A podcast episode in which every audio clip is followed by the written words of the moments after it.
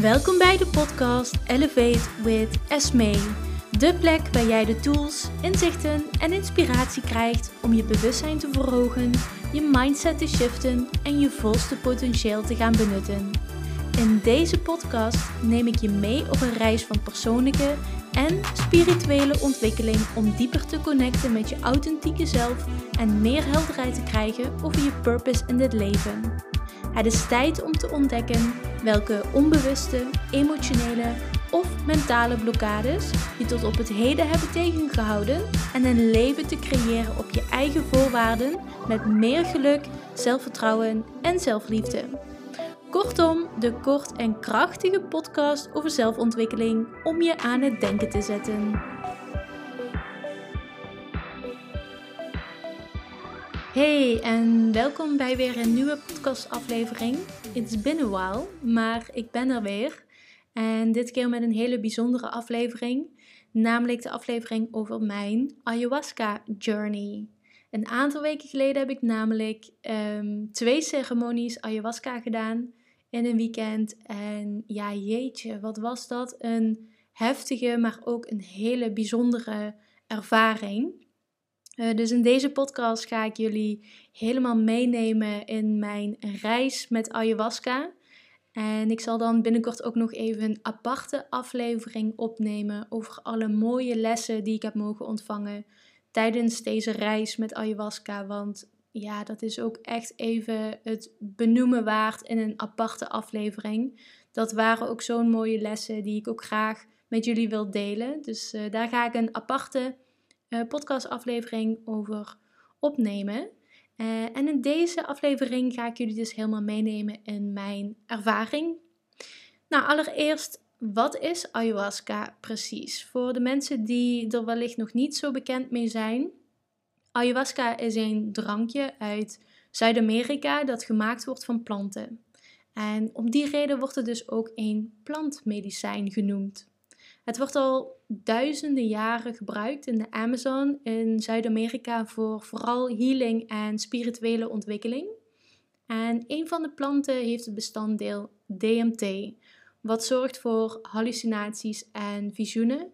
En de andere plant zorgt er juist voor dat het DMT niet wordt afgebroken in ons lichaam. Dus het wordt dus ook wel een psychedelic genoemd. Nou, het drankje wordt dus op een hele speciale manier gemaakt zodat dat dus die spirituele en helende werking heeft. Want anders zou dus ook de DMT direct door ons lichaam worden afgebroken. Ik heb ook wel eens gelezen dat er een vermoeden is dat wij zelf ook DMT in ons brein hebben. En dat wetenschappers er nog niet helemaal achter zijn um, ja, hoe ze dit precies kunnen vaststellen. In ons brein hebben we de pineal gland, zoals ze dat noemen waarvan wetenschappers nog niet helemaal de functie weten. Maar het wordt vaak ook wel de, de seed of the soul genoemd, of, de, of het derde oog, omdat het een connectie zou, uh, zou zijn tussen de fysieke en spirituele wereld. En dat is best wel interessant, zou zomaar kunnen. Nu ik het me zo eh, bedenk, want ik doe regelmatig een meditatie van Dr. Joe Dispenza. En die is gericht op de pineal gland. En door middel van een speciale ademhalingstechniek, meditatie en de muziekfrequentie, ja, ga ik altijd echt next level in die meditatie. Dan voelt het soms echt alsof ik niet meer in mijn lichaam zit en weet ik veel waar in het universum zweef. Dus ja, het zou zomaar kunnen dat die connectie uh, er is. Maar anyway, ayahuasca. Ayahuasca neemt je dus mee op een innerlijke reis en weet op een of andere bijzondere wijze die dingen eruit te pakken voor jou die in jouw leven van toepassing zijn. Dus iedereen heeft ook een hele andere persoonlijke reis. En het is niet zomaar een, een trip waarin je allemaal leuke dingen hallucineert. Um, ja, het is echt bijzonder hoe dit kan. Iedereen drinkt hetzelfde drankje, maar er worden echt die thema's of pijn of trauma uitgepakt die meer healing nodig heeft in jouw leven. Ik had me van tevoren heel erg verdiept in ayahuasca. Een jaar geleden voelde ik al van ja, dit, dit wil ik wel echt een keer uh, gaan, gaan doen. Maar ik had ook zoiets van ja, ik laat het op mijn pad komen. Ze zeggen ook altijd: je moet de roeping voelen van moeder ayahuasca, zoals ze haar noemen. Uh, wanneer je het dan ook echt gaat doen. En ja, om die reden zou ik het ook niet zomaar aan iedereen aanraden. Het is toch wel echt uh, heel, een hele heftige ervaring. Veel heftiger dan ik zelf had gedacht. En ik had superveel over ayahuasca gelezen. En ik denk wel tientallen documentaires gekeken. Op YouTube vind je er trouwens best wel veel als je het interessant vindt. Maar ja, niets had mij kunnen voorbereiden op wat ik in die ceremonies heb ervaren.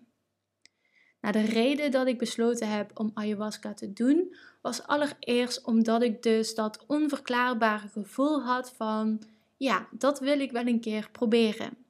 En daarnaast wilde ik ook een laagje dieper gaan bij mezelf. Ik ben natuurlijk gecertificeerd uh, als coach en in NLP en hypnose. Ik mediteer uh, dagelijks, uh, doe heel veel breathwork, journaling. En dat heeft mij enorm geholpen qua mindset en nog steeds op een dagelijkse basis. Maar ik was ook heel benieuwd naar wat er naar boven zou komen als ik een laagje dieper zou gaan. Sommige overtuigingen of patronen zitten namelijk zo diep geworteld in je onderbewustzijn. En dat krijg je er zelf soms niet helemaal uit. Al verschilt het natuurlijk per persoon. Want wat de ene persoon nodig heeft om een diep gewortelde overtuiging op te lossen, kan heel anders zijn dan voor een ander persoon. De een heeft bijvoorbeeld één of twee sessies nodig en een ander kan er veel langer over doen. Dus dat, is heel persoonlijk. Ehm, maar ja, ik was gewoon heel benieuwd ehm, wat er zou gebeuren als ik echt bij mezelf een laag dieper zou gaan. En ook de reden waarom ik het ook niet aan iedereen zou aanraden, is dus ook omdat ayahuasca um, er ook voor kan zorgen dat er trauma's of pijn uit je kindertijd bijvoorbeeld naar boven komen, of vanuit je onderbewustzijn, um, waar je nu als volwassene in ieder geval niet of niet meer bewust van bent. Dus mogelijk heeft je brein dat verdrongen om je veilig te houden. Maar met ayahuasca kan dat dus naar boven komen. Dus ik vind wel um, ja, dat je er soort van klaar moet zijn om die confrontatie ook aan te gaan. Ayahuasca brengt echt je diepste pijn ook, of kan je diepste pijnpunten of overtuigingen naar boven brengen. Dus hoe ik er persoonlijk naar kijk, is dat je wel echt in een staat van zijn moet, uh, moet zijn om dat aan te kunnen. En het is ook wel aan te raden, denk ik, om eerst te starten met mindsetwerk of meditatie, energiewerk of een andere vorm van healing of verwerking, zodat je in ieder geval al enigszins bekend bent met je eigen gedachten, overtuigingen en patronen.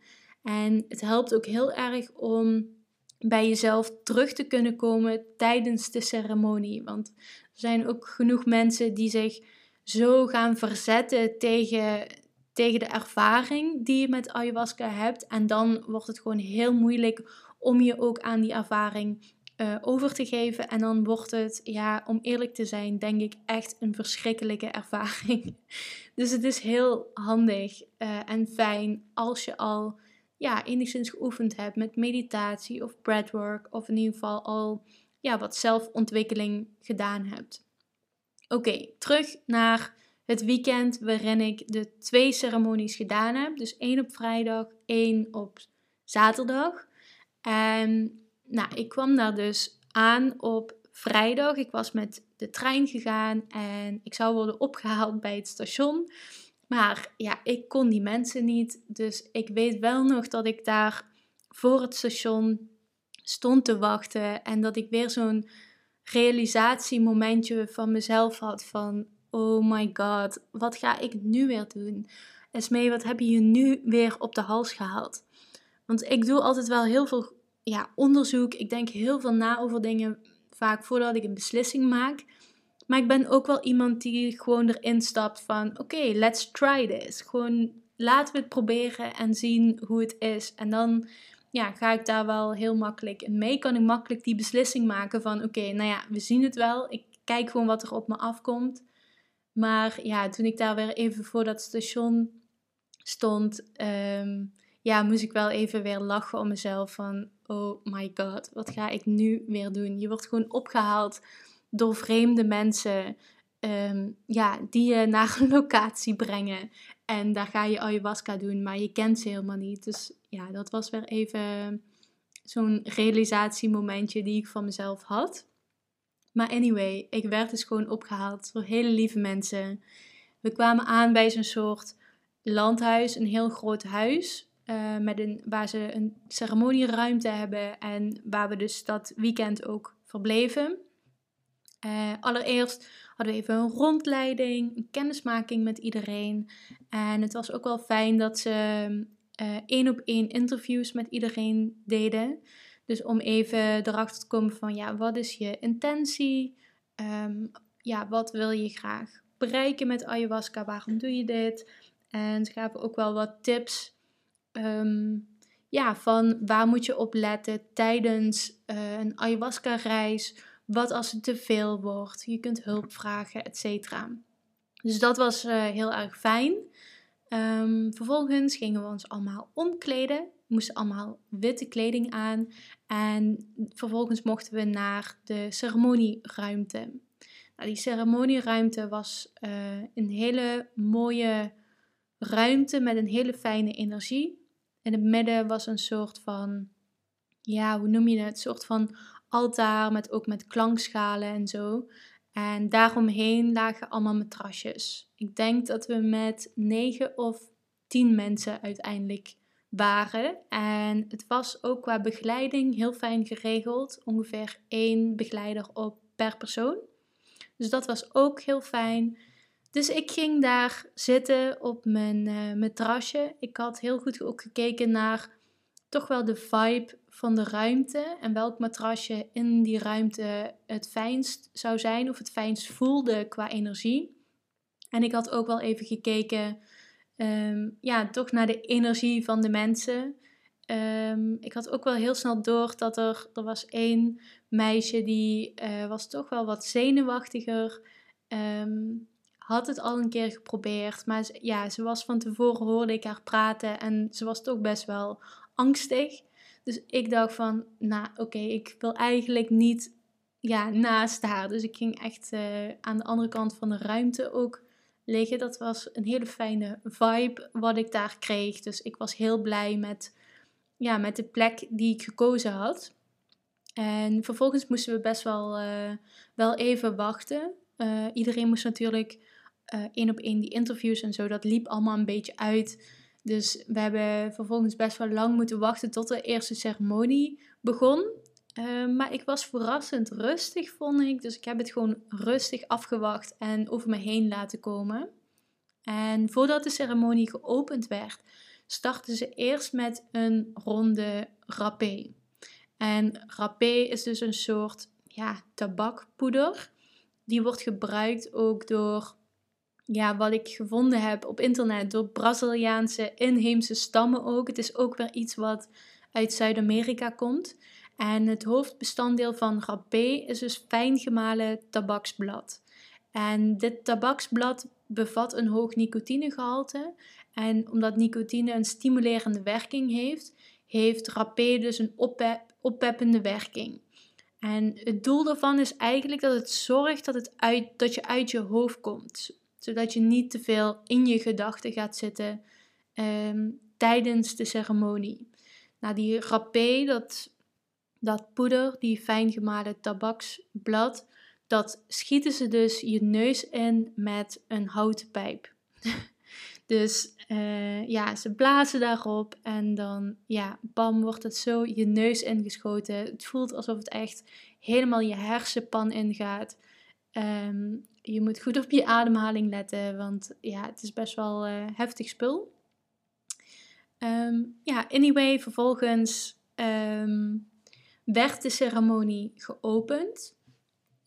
En mochten we één voor één naar voren komen om onze eerste cup ayahuasca te halen. Er zijn dus uh, drie rondes waarin je een glaasje ayahuasca kunt halen.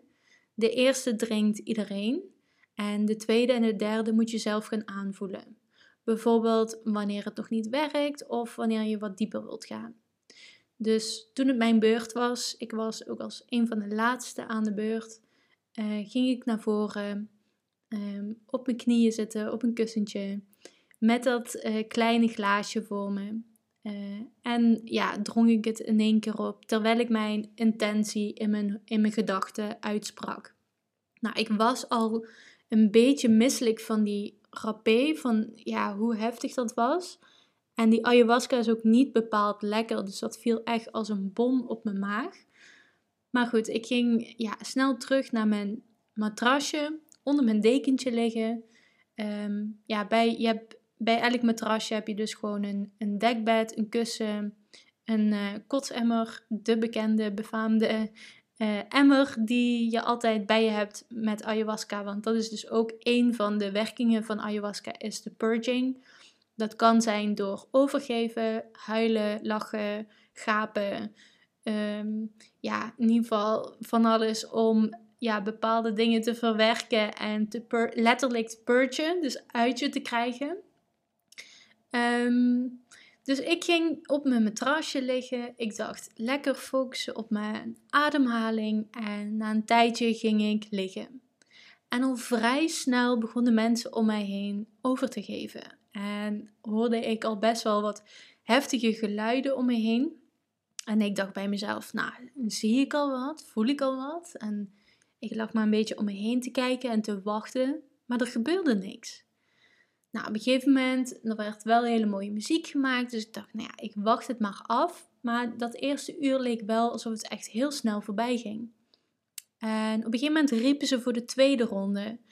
En toen dacht ik, yo, ik ga een tweede cup halen, want ja, ehm, ik voel nog niks. Dus ik weer naar voren, op mijn knieën, op dat kussentje zitten en dronk ik de tweede cup ayahuasca. Nou, weer terug naar mijn matrasje, onder die deken. En toen al vrij snel um, ja, begon het wel te werken. En het begon met hele heftige visualisaties en kleuren die ik zag. En alles liep in elkaar over. Dat weet ik nog van, uh, van die eerste ervaring. Dat ik echt dacht bij mezelf: wow. Gewoon echt wow. Wat is dit heftig? Dit is echt gewoon heel heftig. Ik uh, wist niet meer goed wat wat was. En het, je bent er wel nog bij. Je hebt, je hebt tijdens je reis ook wel zeker gewoon van die realisatiemomentjes. Dat je weer even terug in de ruimte komt en gewoon wel de realiteit kunt zien. Maar in het begin waren die visualisaties dus echt heel erg heftig. En al heel snel kwam ik op um, een van de eerste thema's van mijn ayahuasca-reis en dat was mijn ego. Ik kan namelijk superveel in mijn hoofd zitten. Heel veel nadenken van, ja, wat is de juiste keuze? Uh, moet ik dit doen of moet ik dit doen? Um, heel erg nadenken over dingen, heel erg overanalyseren. En ik kreeg al meteen de boodschap voor van, ja Esmee, je moet meer gaan voelen en niet zoveel in je hoofd zetten. En ik ging toen zo'n proces met mezelf in, uh, waarbij ik dus constant in een soort van, ja, ik zat in een soort van loop. Dus elke keer als er afleiding was van andere mensen in, in de ceremonieruimte bijvoorbeeld, of wanneer ik weer bepaalde gedachten had, dat ik het probeerde te analyseren allemaal wat ik voelde, hoorde ik dus weer zo'n stem van nee, je moet gaan voelen, in je lichaam zitten en niet in je hoofd. En constant, wanneer ik weer werd afgeleid, was het weer, hoorde ik zo'n stem van nee, opnieuw. Niet denken, maar voelen. Ja, en dan werd ik weer afgeleid en dan was nee, weer opnieuw. Niet denken, maar voelen. In je lichaam gaan zitten. Laat je gedachten los en laat het gevoel toe dat er is. Ga echt eens voelen wat er door je lichaam heen gaat. Nou, en dat ging best wel een tijdje zo door, totdat, tot ik het volledig kon loslaten en ik echt een soort van ego-dood had. Want normaal gesproken komt dat ego er elke keer weer tussen. Maar ik werd zo vaak in die loop, werd ik keer op keer, als, als het ego ook maar een beetje uh, zich ermee wilde gaan bemoeien, was het weer zo van nee, opnieuw. Dus op een gegeven moment kon ik me daar wel volledig aan overgeven en echt helemaal in, die, die, in dat gevoel gaan zitten van ja, wat gaat er door me heen en in die ervaring en kon ik me denken uitschakelen. Dus dat was echt een soort van ego-dood voor mij. En op dat moment maakte dat ook plaats voor ja, pure liefde en dankbaarheid. En zo'n mooi gevoel en ook hele positieve gedachten die ik over mezelf had en mooie inzichten. En ja, dat was echt heel erg fijn. En toen begon ayahuasca een klein beetje uit te werken. Ik was toen ook best wel al uh, best wel moe. Ik, was, ik lag lekker op mijn matrasje. Ik had een hele fijne afsluiting gehad. En ik dacht, nou ja, ik ben eigenlijk wel klaar om nu naar bed te gaan. Ehm, het was heel heftig. Het was echt een heftige ervaring, maar ik voel me nu wel goed. Moe, maar goed. Nou, toen gingen ze dus de ceremonie ehm, afsluiten. En toen kwamen ze met een soort van spray die ze over mensen heen sprayen. En dat heeft ook een bepaalde geur en een bepaalde werking. Maar op het moment dat ik dat rook, werd ik gewoon weer helemaal terug in ayahuasca gegooid. In die ayahuasca reis. Dus de visualisatie is begonnen echt heel heftig weer. En alles liep weer helemaal in elkaar over dat ik niet meer wist wat voor of achter was. En toen begon ook heel erg het overgeven, de purging, dat kwam ook weer heel erg terug. En ik dacht, wat is dit nou weer? En ik werd weer helemaal in die loop gegooid van ja, blijkbaar was ik toch na afsluiting, was ik het weer helemaal aan het analyseren. Weet je wel, de gedachte van, nou ja, dit was een prima ervaring en ehm, heftig, maar ik ben nu moe, ik wil nu fijn gaan slapen. Dus dat ego was alweer helemaal, helemaal bezig. Dus ik werd weer helemaal terug in die ayahuasca gegooid. En weer helemaal opnieuw van gedachten loslaten, en het gevoel, hoe vervelend je gevoel op dat moment ook is, echt te laten zijn en het toe te laten. Nou, dat was echt een hele, heel proces wat ik weer met mezelf inging. En op een gegeven moment zag ik ook ja, mezelf zag ik doodgaan. En dat was ook echt heel heftig. Dat ging ook gepaard met ja, heel veel purging. En dat was letterlijk ehm, alsof ik de oude Esme zag doodgaan. Maar het, gaf, het was wel een hele mooie betekenis, omdat uiteindelijk zag ik dus ook een super grote, uh, ja, zo'n phoenix met grote vleugels, zag ik daaruit opstaan, rising from the ashes. En letterlijk gewoon die vleugels uitklappen. En toen kreeg ik echt die betekenis van, ja, weet je, je mag de oude Esme gewoon achterlaten en nu groots gaan. Je mag gaan in je kracht gaan staan en ja, gewoon je vleugels uitslaan en gewoon gaan doen waarvoor je op deze aarde bent. Ehm, ja, want ik had soms moeite met me volledig echt over te geven aan het gevoel. Ik onderdrukte toch vaak mijn emoties, ondanks dat ik er echt wel heel veel mee bezig was. Maar um, ja, onderdrukte ik dat toch ook wel vaak. En dit was zo'n moment van dat ik me er helemaal aan kon overgeven en mezelf zag doodgaan, de oude versie, en dat daar een soort van nieuwe versie, grote phoenix, uit opstond. Um, dus dat was wel een hele mooie, krachtige betekenis wat ik uiteindelijk nog gehad heb. En op het eind zag ik dus ook mijn oma. En die gaf me een hele stevige knuffel.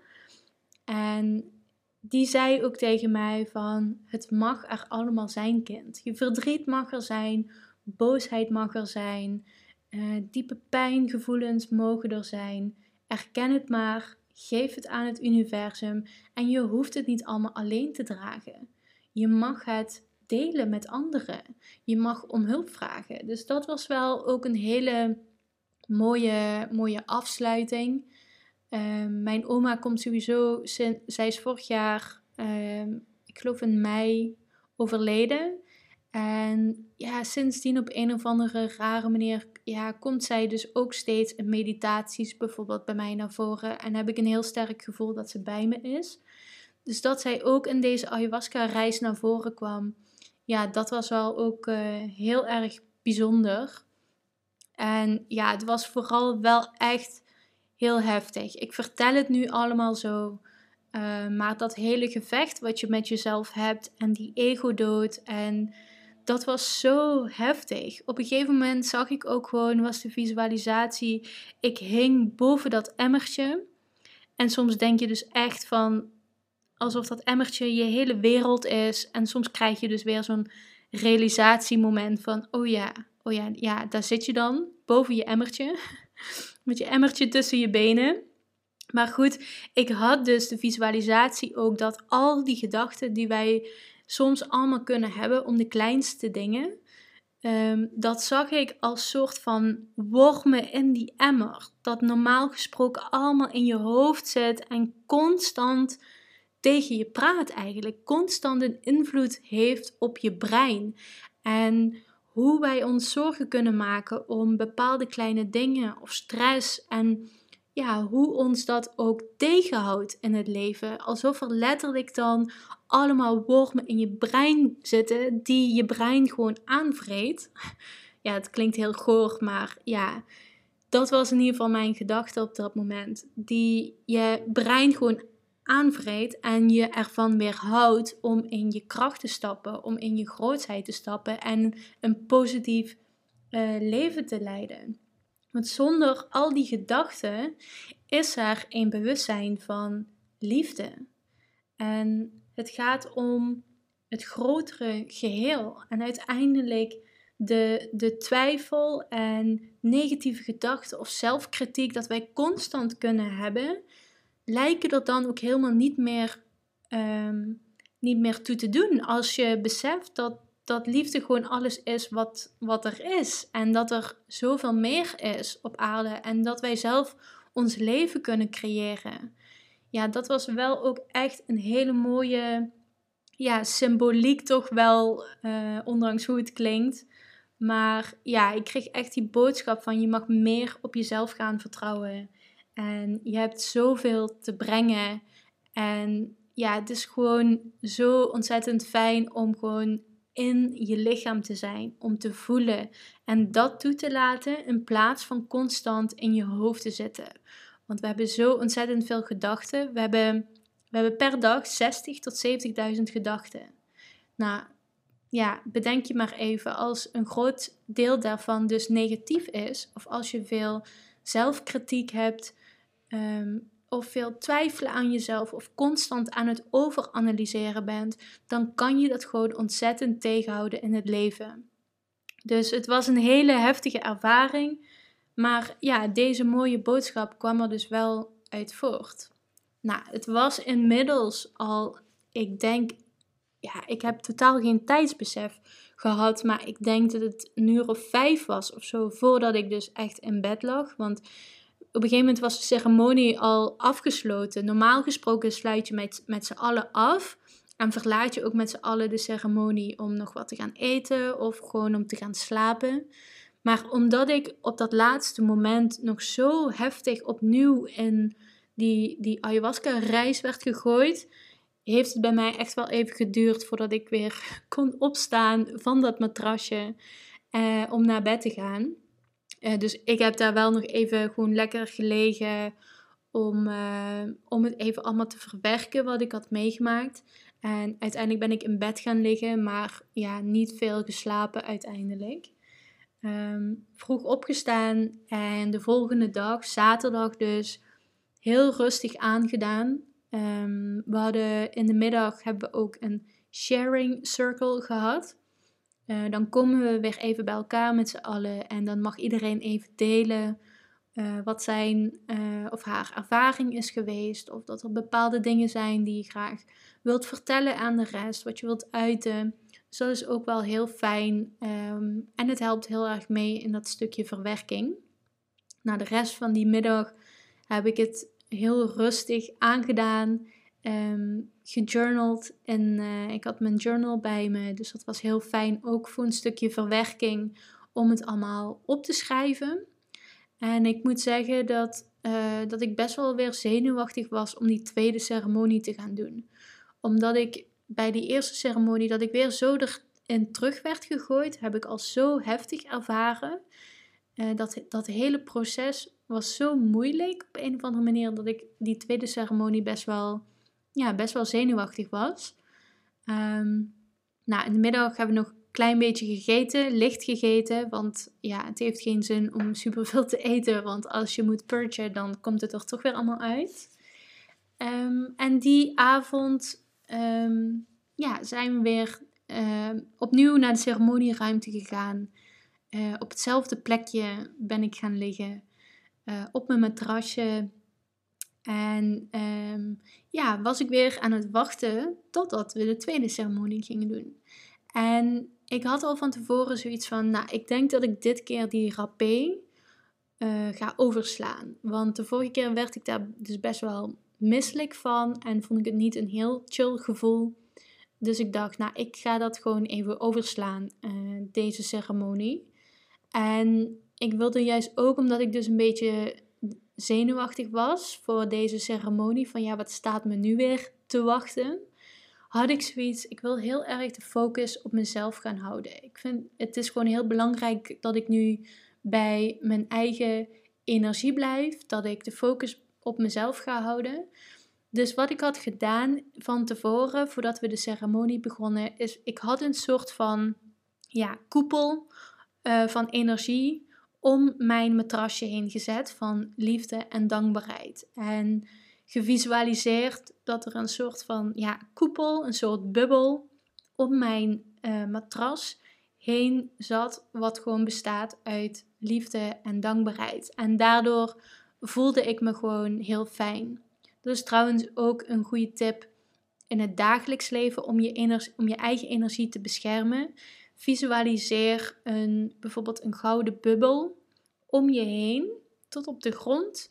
En visualiseer dat in die bubbel dat dat jouw eigen energie is met liefde en dankbaarheid. En dat je beschermd bent voor energieën van buitenaf. Nou, dus dat had ik dus voor mijn matrasje gedaan, voor, uh, voor de ceremonie. En dat bleek later in de ceremonie ook enorm uh, te helpen bij wat er allemaal om mij heen gebeurde, ook met mensen en ook de heftige processen die anderen ingingen. Um, want ik realiseerde me ook al heel snel, want naast mij uh, ja, ging ook iemand een heel diep proces in, um, wat ook heel heftig was. Um, en toen realiseerde ik me ook echt van, ja, dat mag er ook allemaal zijn. Weet je wel, ook angst en pijn en trauma, het mag er gewoon allemaal zijn. Wij onderdrukken dat vaak uh, en we laten het niet toe, ook niet in onze emoties, maar het is gewoon onderdeel van het mens zijn. Ook die emoties mogen er allemaal zijn. Ook de angst die je soms hebt mag er ook zijn. Maar door het weg te drukken wordt het alleen maar erger. En juist door het toe te laten kan er vaak wat licht en liefde bij en lost het veel sneller op of kom je er veel sneller doorheen dan dat je het onderdrukt. Dus dat was al een inzicht die ik heel snel uh, had. Nou, in deze tweede ceremonie heb ik maar één glaasje gehad. Ik denk ook natuurlijk de, de, dag ervoor heb je ook al, had ik al twee glaasjes ayahuasca gehad. Dat zit natuurlijk gewoon nog in je lichaam. Dus bij deze tweede ceremonie had ik maar één glaasje gehad.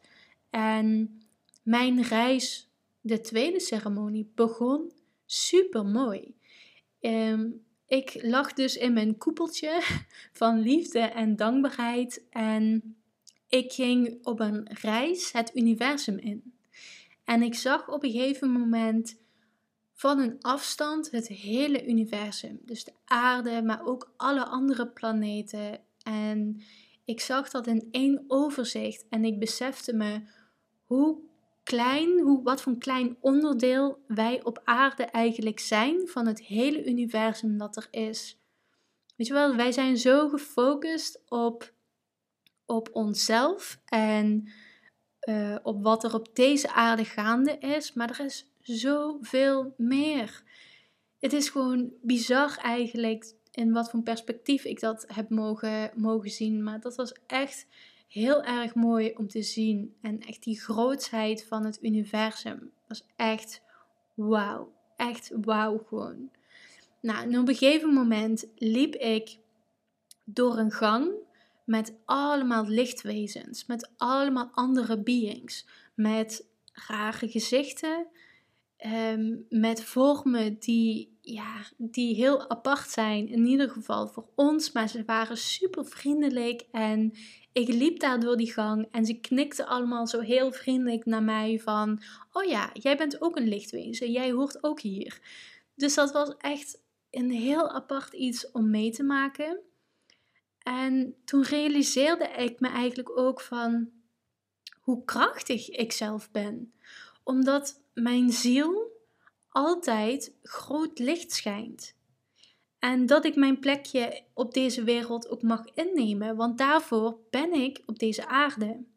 En mijn ziel heeft zo ontzettend veel wijsheid en schijnt zo fel. En het maakt niet uit wat voor gedachten ik hier op aarde heb, want dat licht, dat schijnt altijd. En dat handelt altijd vanuit liefde. Dus ik mag gaan staan voor grootsheid. En ik mag die vleugels van die phoenix echt gaan uitslaan om meer in alignment te zijn met mijn ziel. En ook al voel ik dan soms even uh, de angst of zelftwijfel of zelfkritiek als mens, als je erin gelooft natuurlijk dat we allemaal een mind, body, soul connectie hebben, dat we dus een ziel hebben, dat de energie is in het universum waarmee we verbonden zijn. En dat, dat, uh, dat die energie dus altijd licht en liefde is. En dat hoeveel angst, gevoelens of gedachten je ook hebt, dat mag er zijn als mens, want daarvoor ben je ook op aarde. Dat is de ervaring die wij als mens ook hebben of moeten hebben. Maar weet dat er altijd, um, dat je altijd verbonden bent met die liefde. Dat je altijd verbonden bent met je ziel, die zo ontzettend veel wijsheid met zich meedraagt. En dat we er soms ook gewoon echt actief aan moeten werken om meer in alignment te komen met die ziel, met die liefde. En dat we dat juist als onze kracht kunnen gaan gebruiken als mens op aarde. Dat dat hetgene is om met die angstgedachten om te gaan. Dus dat was echt een heel mooi inzicht wat ik op dat moment ook heb gekregen. Op een gegeven moment uh, zag ik ook mijn spirit guide. Ik heb altijd al het gevoel dat ik een heel team van spirit guides heb. Ik heb ze ook vaker gezien in meditaties en ik ben of ik heb dit al heel lang, maar ik ben het voor mijn gevoel nog een beetje aan het ontwikkelen. Maar ik heb dus helderhorendheid. Dus ik sta heel erg in connectie met een energie of met spirit guides of mijn hogere zelf. Wat het dan ook mag zijn, maar ik krijg constant berichten door. En vooral in meditaties of met journalen, dan gaat het allemaal zo automatisch en dan komen er dingen uit mij. Of ik spreek het of ik schrijf het op. Ehm, maar ik weet gewoon dat ik dan verbonden ben met een bepaalde energie, met een bepaalde wijsheid. En dat is iets wat ontzettend mooi is. En in deze ayahuasca-reis werd er dus letterlijk geconnect aan uh, een spirit guide. En nou, toen ik hem zag, of haar, het, ehm, wat de energie dan ook is, want in, het, in de energie van het universum werken ze niet echt met hij of haar. Het is gewoon de energie. Ehm, maar ik noem het even hij, omdat het zo voor mij in ieder geval voelde. Maar dat was echt alsof ik mijn allerbeste vriend in de hele wereld, in het hele universum, al super lang niet had gezien. En na een hele lange tijd weer zag. Ik was echt euforisch. Ik voelde me fantastisch en zo ontzettend blij. Dit heb ik echt nog nooit in mijn leven meegemaakt, dit gevoel. Dat was zo ontzettend euforisch en zo bijzonder om dat mee te maken. En ja, het, het was ook een hele grappige ervaring, want hij was de hele tijd grappen aan het maken. En ik lag de hele tijd in een deuk. Ik was keihard aan het lachen met mezelf. En het was ook steeds als ik dan weer werd afgeleid, bijvoorbeeld van andere mensen in de ruimte. Ehm, dan hoorde ik weer die stem ook van mijn spirit guide die zei van ja nee, hou de focus bij jezelf. Ga terug naar je ademhaling en blijf in dat koepeltje van liefde en dankbaarheid. En hij maakte ook zo'n grap dat hij letterlijk zo over het koepeltje heen ging liggen. van ja, ik bescherm je wel even extra. Je hebt hier wat extra liefde en dankbaarheid. Ja, ik kan het niet nadoen natuurlijk op deze podcast. Maar dat, dat was gewoon op dat moment in mijn ayahuasca-reis zo ontzettend grappig. En toen dacht ik nog bij mezelf van, ja, dit, gewoon meer lachen, meer plezier maken in het leven. Dat is zo ontzettend belangrijk. Dat had ik het afgelopen jaar ook wel een beetje gemist. Gewoon echt het plezier maken in plaats van alleen maar werken. En op dat moment, dat was ook zo'n grappig moment waarin alles samenkwam. Um, een aantal andere mensen in de ceremonieruimte zaten in hun eigen proces, maar waren dus ook keihard aan het lachen. Dus dat was even zo'n heel grappig moment van dat je echt helemaal in je eigen gedachten zit, in je eigen reis, maar dan weer dat realisatiemoment hebt en terug in de ruimte bent en andere mensen zijn aan het lachen. En ja, dat was een heel grappig moment. En toen zei iemand anders in de ruimte, in zijn reis, zei die hardop: Het is zo simpel. Het is zo simpel. En toen dacht ik bij mezelf: Ja, het is eigenlijk ook gewoon zo simpel. We moeten gewoon ook meer lachen op aarde, meer plezier maken en genieten van het leven. Want daar komen we natuurlijk ook voor naar aarde, om hier gewoon een leuk leven te creëren. En niet constant ook bezig te zijn met dingen die ons stress opleveren. Dus ja, dat was ook echt uh, een heel grappig moment. Ehm, ja, waarin dat ook weer even samenkwam en ik dat inzicht kreeg van, ehm, ja, van, van plezier maken, meer lachen. En van die spirit guides en helpers kreeg ik op een gegeven moment ook het inzicht van, ja, maar je kan ons altijd om hulp vragen. Wij zijn altijd beschikbaar uh, voor jou om jou te helpen. En toen, ik weet nog dat ik zo'n, op dat moment echt een visualisatie had dat, zoals bij Lotto Weekend Millionaires, dat programma, dan kun je dus de hulplijn bellen naar een aantal mensen die, die je vooraf hebt uitgekozen. En toen zag ik die helpers, dat spirit team, echt op een rijtje zitten op zo'n grote stoel. Ehm, met het inzicht van, ja, weet je, zij staan daar klaar. En je kunt altijd om hulp vragen. Je kunt altijd uh, contact maken, ofwel met je eigen intuïtie, je hogere zelf, maar dus ook met een spirit team. En op het moment dat je die hulp vraagt en je daaraan overgeeft, zul je ook zien dat je vanuit je eigen intuïtie die hulp of die inzichten of wijsheid die je nodig hebt op dat moment in je leven, dan zal je die ook ontvangen. Dus dat was ook een heel mooi inzicht. En dat wij gewoon altijd een lijntje hebben um, met, naar onze eigen ziel, waar al die kennis en die wijsheid van het hele universum zit. En ja, dat was ook weer zo'n mooi inzicht. En ehm, ik kwam ook tot inzicht dat met die bepaalde spirit guides, dat we al zo ontzettend veel levens samen hebben gehad. En dat ik dus ehm, ja, besloten had om in dit leven weer naar aarde te komen. En dat we onafscheidelijk waren, dat was ook zo'n grapje van hem. En dat het natuurlijk niet anders kon dat hij dan mijn spirit guide was. Dat hij nog steeds een, mijn connectie was en, um, en er voor me was om me te helpen. Dus toen dacht ik wel van jeetje, het universum zit zo mooi in elkaar eigenlijk. Het is niet normaal, wij kunnen gewoon niet bevatten hoe dit allemaal in elkaar zit op een gegeven moment zag ik ook van een afstand dan wel ook weer onze aarde. En dat was nu een grijze aarde. En het besef van ja, dat wij toch wel echt veel aan het doen zijn om die aarde een beetje te verpesten. Maar ik zag daarnaast ook een groene aarde. Uh, een groene aarde waar we nu naartoe aan het gaan zijn. En dat er juist zoveel lichtwezens, zoveel light beings overal over de hele wereld en in het universum aan het werk zijn om van die grijze aarde naar een groene aarde te gaan. Ja, en toen dacht ik ook van wow, dit universum zit zo ontzettend mooi in elkaar. Het is zo groot allemaal. Het is gewoon eigenlijk niet, niet te bevatten. En ik weet nog dat ik op dat moment dacht van, nou, dit is allemaal fantastisch, deze inzichten. Als dit mijn tweede ceremonie was, ja, super fijn. Dan ben ik helemaal blij en tevreden. Nou, en ik, met dat ik dat zei, voel ik meteen zo'n shift in mijn hele lichaam.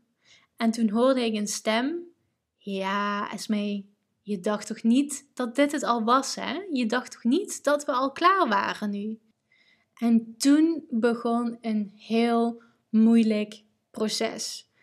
Ik ging echt een heel gevecht met mezelf aan. En elke keer kwam ook dat ego weer ertussen. Want het ging gepaard met heel veel purging, dus het overgeven. Maar het kwam ook niet, dus er kwam niks uit. Terwijl ik wel het gevoel had van ja, er moet iets uit. Er moet iets uit me, maar het komt niet.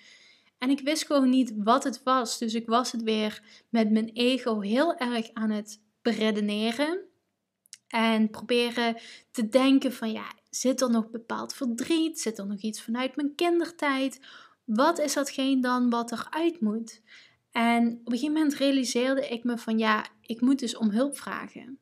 Ik probeer altijd alles alleen te doen en het alleen te dragen. Dus ook weer dat stukje van, uh, van het niet altijd voelen, het niet toelaten van die gevoelens en het allemaal alleen willen doen. Terwijl als je deelt met anderen, um, dat het dus zoveel beter gaat en dat er dan juist licht en liefde bij kan komen en dat je hulp kunt ervaren om weer een stukje verder te komen.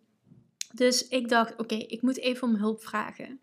En ik stak eerst mijn hand op om hulp te vragen. En toen hoorde ik meteen zo'n stem: Nee, Esme, je moet het uitspreken. Je moet vertellen aan een ander wat je dan precies wilt, wat voor een hulp je nodig hebt. Je moet het uitspreken. Je moet het mensen ook laten weten ehm, wat voor een hulp je nodig hebt. En op dat moment zat ik al zo diep in een proces met mezelf van ja, huilen en verdriet en dat purging en dat het maar niet eruit kwam en dat ik maar niet snapte wat er dan precies was. En ik hing daar boven mijn emmertje emmertje tussen mijn benen en ik zei tegen die begeleiders: Wil iemand mij even wat liefde komen geven? Op dat moment dacht ik echt van ja. Het enige wat ik nu nodig heb, ik, ik heb gewoon even wat liefde nodig. Ik, ik wil het gewoon even delen. Nou, toen kwam een van die begeleiders naar me toe, die ook qua energieopeningen van alles uh, bij me gedaan heeft en om me extra liefde te geven. En ja, nog steeds lukte het me maar niet om het volledig los te laten. En op een gegeven moment zei een van die begeleiders die me dus geholpen had en die energieopeningen uh, gemaakt had van, ja, het laatste stukje moet je zelf doen. Het komt wel, maar het laatste stukje moet je zelf doen. En toen ging ik dus weer helemaal dat proces in met mezelf en ook weer die boodschap van uh, de, uh, de eerste ceremonie van niet in dat ego zitten. Niet te veel denken, maar in je lichaam gaan zitten. In dat gevoel gaan zitten en dat gevoel gaan toelaten.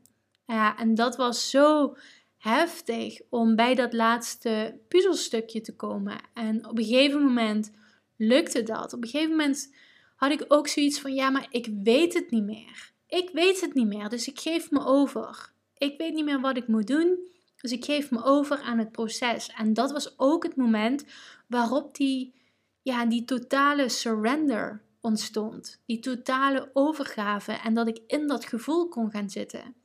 Ja, en toen kwam er echt intens verdriet ook uit. Maar echt vanuit mijn tenen leek het wel. Echt vanuit, ehm, ja, vanuit mijn kindertijd ook, waarin ik mij heel erg alleen heb gevoeld vaak. Uh, me in de steek gelaten heb gevoeld op een of andere manier. En daardoor een soort van muur heb opgebouwd van ja, dan doe ik het wel allemaal alleen. En daardoor vond ik het dus ook altijd moeilijk om hulp te vragen. En daardoor ja, was er ook vaak nog die muur dat ik mensen op afstand hield. Um, ja, er kwam ook wel wat verdriet met, uh, met, met mijn ouders, met mijn vader, van dingen die er gebeurd zijn. Uh, dingen die in het verleden gebeurd zijn, waar heel veel verdriet bij mij is, is ontstaan. Uh, ja, wat, wat mij vroeger best wel een klap heeft gegeven.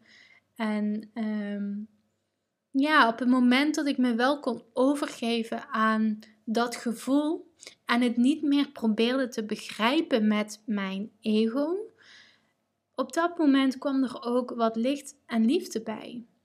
Op dat moment kon ik het loslaten. En op dat moment wist ik ook van ja, je hoeft het niet allemaal alleen te doen. Je mag om hulp vragen. En dat was ook zo'n mooie, mooie les die ik heb gehad. Is dat we vaak dingen zelf proberen op te lossen. Um, dat we vaak in onze gedachten blijven zitten met bepaalde angsten, met zelftwijfel, zelfkritiek, met bepaalde belemmerende overtuigingen. En dat we daar zo lang mee blijven lopen. Terwijl als we om hulp zouden vragen, of als we erover zouden praten, uh, of het zouden delen met andere mensen en die emoties zouden toelaten, dan kan er gewoon weer lucht bij. Dan is het vaak al, al gewoon goed. Het is ook in ons lichaam, weet je, onze emoties duren in principe maar 90 seconden. Maar wat we doen in plaats van het te, voelen en te delen met anderen wat er door ons heen gaat, gaan we het onderdrukken, waardoor het zich blijft opbouwen onder de oppervlakte en het vaak alleen maar erger wordt, waardoor onze angsten, onze onzekerheid in het leven alleen maar erger wordt. Dus dat delen is daarin eigenlijk een ontzettend belangrijk onderdeel om dat te verwerken, om die emoties, die gevoelens te kunnen verwerken. Dus ook dat was een heel mooi inzicht. En op het moment dat ik dat allemaal liet gebeuren, toen kwam ook weer heel veel plaats voor liefde en voor zelfliefde. En kon ik weer in mijn koepel van liefde en dankbaarheid gaan liggen. En zag ik weer die, die grootheid van het universum. En zag ik ook mijn eigen kracht in. En zag ik weer wat ik aan het begin had. Weet je wel, die ziel die altijd licht schijnt. Dat was wel een, een heel mooi einde. Een hele mooie afsluiting voor mezelf ook. Maar ja, jeetje, het was, ik kan jullie gewoon niet uitleggen of onder woorden brengen hoe heftig zo'n proces um, is waar je op dat moment doorheen gaat. Gewoon door plantmedicijn, door zo'n drankje te drinken, word je in zo'n diep innerlijk proces gegooid. Um, ja, wat heel bijzonder is, maar ook ontzettend heftig. Maar ik moet zeggen dat, um, dat ik me zoveel lichter voelde erna. Dat er veel meer plek is gemaakt voor nog meer zelfliefde. En vooral dat er heel veel plek is gemaakt voor mijn emoties. Maar ook het belichamen van uh, het innerlijke werk. Dus het, de innerlijke energie dat door mij heen gaat. Want die, al die emoties wat ik dan voel, kan ik nu beter voelen en plaatsen. Dus ik laat het nu eerder gebeuren. In plaats van te onderdrukken en het proberen te analyseren wat het dan precies is, ga ik nu dan echt zitten. En ik heb nu een aantal practices voor mezelf ontworpen ook. Ehm, met een combinatie van dingen, vooral ook met beweging, maar echt om in dat lichaam te zijn. En dat helpt me al zoveel beter. En Daardoor kan ik veel makkelijker over bepaalde emoties heen komen en kan ik het ook sneller loslaten. Dus dat is wel een heel fijn effect wat ik nog voel van uh, nu een aantal weken na de ayahuasca-reis die ik heb gemaakt. Maar ik ben ontzettend dankbaar voor dit proces, voor wat ik in mijn reis heb mogen zien en mogen meemaken. En ja, voor de diepe, diepe healing die toch wel heeft plaatsgevonden. Er zijn toch wel een aantal dingen die ik heb kunnen loslaten. En heel veel mooie lessen ehm, die ik heb ontvangen, die ik echt meeneem in mijn leven en ook elke dag weer herhaal als ik weer iets tegenkom van, oh ja, dit was die les, dit was die les. Uh, dus dat is gewoon super fijn nu. En ik weet gewoon nu dat ik groots mag gaan. Dat, dat het leven daarvoor is. Dat alles vanuit liefde is. Dat liefde alles is wat er is. En dat ik kan aantrekken wat ik wil aantrekken. Als het maar komt vanuit je hart, vanuit een goede intentie en aligned is met je ziel, met die liefde. Want dan kun je alles manifesteren in het leven waar je naar verlangt. En met name je gedachten, maar vooral ook je emoties en de energie die je uitstraalt, zijn daarbij zo ontzettend belangrijk. En daar heb ik in mijn ayahuasca-reis zo ontzettend veel mooie inzichten over mogen ontvangen. Maar is er ook zoiets in mijzelf veranderd dat ik nu zoveel mooie practices en embodiment practices aan mijn coaching heb mogen toevoegen. Die zo ontzettend veel helpen bij zelfontwikkeling, bij persoonlijke ontwikkeling. Uiteindelijk is het niet alleen wat er in onze mind gebeurt, maar natuurlijk ook wat er in ons lichaam gebeurt, wat er met onze emoties gebeurt, wat er met onze energie gebeurt. En dat is juist hetgene, als je daaraan werkt, dat is hetgeen wat de verandering gaat creëren in je leven. Dat is hetgeen wat ervoor gaat zorgen dat je uiteindelijk datgene in je leven gaat aantrekken wat je wilt aantrekken, waar je naar verlangt. Dus ja, daar ben ik zo ontzettend dankbaar voor. En ik kijk er naar uit om de lessen nog meer te gaan integreren in mijn leven, maar vooral ook in mijn coaching en in mijn programma's. En uh, ja, het gaat sowieso magic worden. Dus uh, ja, dit was mijn reis met ayahuasca. Ik ben heel benieuwd wat jullie ervan vinden, of jullie nog vragen hebben. Laat het me vooral even weten of stuur me een DM op, uh, op Instagram als je naar deze aflevering geluisterd hebt. En dan zie ik jullie snel weer in de volgende aflevering.